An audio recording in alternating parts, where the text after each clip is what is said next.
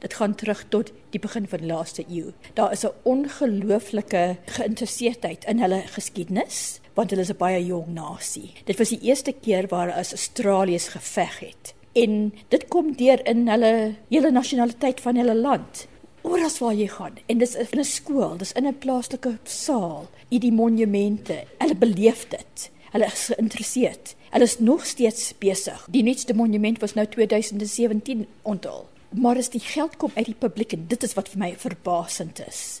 Dit kom nie nou nie van die regering nie, dis die mense self wat nou die geld insit om of 'n nuwe monument op te sit of die ou een te bewaar. In jou toespraak het jy gesê dat daar soveel monumente gebou is vir die oorlog dat hulle eintlik 'n reël of 'n wet gemaak het dat hulle nie meer monumente kan bou nie.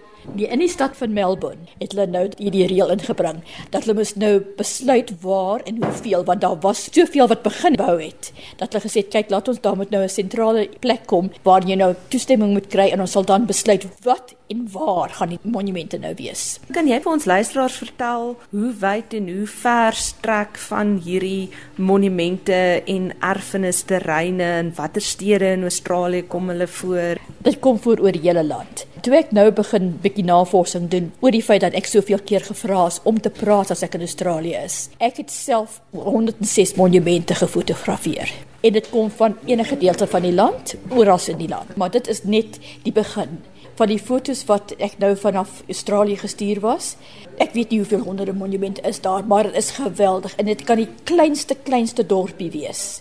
En wat vir my baie interessant is, is dat nou nie net plakkaat of 'n ding op 'n monument soos wat ons dit verstaan. Ek het van hulle gesien in Victoria, die staat van Victoria. Hulle het die bome afkap, maar hulle kap nie tot onder nie. As hulle nou gekap is, is omtrent mensehoogte, dan sny hulle, hulle kerf hulle as 'n monument.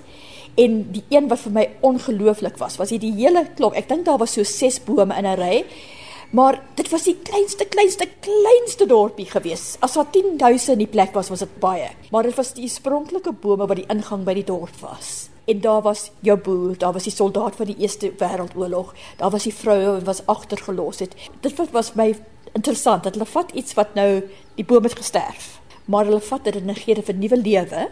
Doen nou hierdie monument dat dit weer 'n storie vertel. Daar is ook 'n dag wat die Anglo-Boereoorlog of die Suid-Afrikaanse oorlog herdenk word. Vertel ons daarvan. Hulle het wat hulle noem die Boer War Day en dit is nou die einde Mei begin Junie en dit hang af net waar die datums inpas wat hulle doen in die groot stede. Hierdie jaar was daar sewe verskillende funksies gewees waar hulle na die monumente toe gegaan het in die kerke wat naby is waar die militêre mense van die regering Commonwealth War Graves Commission, lede van die families, mense wat oorspronklike drag aantrek en waar daar kranse gelê word en daar is nou hierdie herdenkingsdag vir die Anglo-Boereoorlog.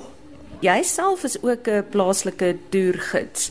Hoe groot is Anglo-Boereoorlog toerisme om Suid-Afrika te besoek spesifiek om hierdie tipe monumente te sien? Ons werk natuurlik in Natal. Nou die Natal Battlefields route het ek nou 31 jaar gelede gestig. Die dinge was redelik stil die laaste paar jaar want natuurlik het almal Europa toe gegaan vir die fees van die Eerste Wêreldoorlog.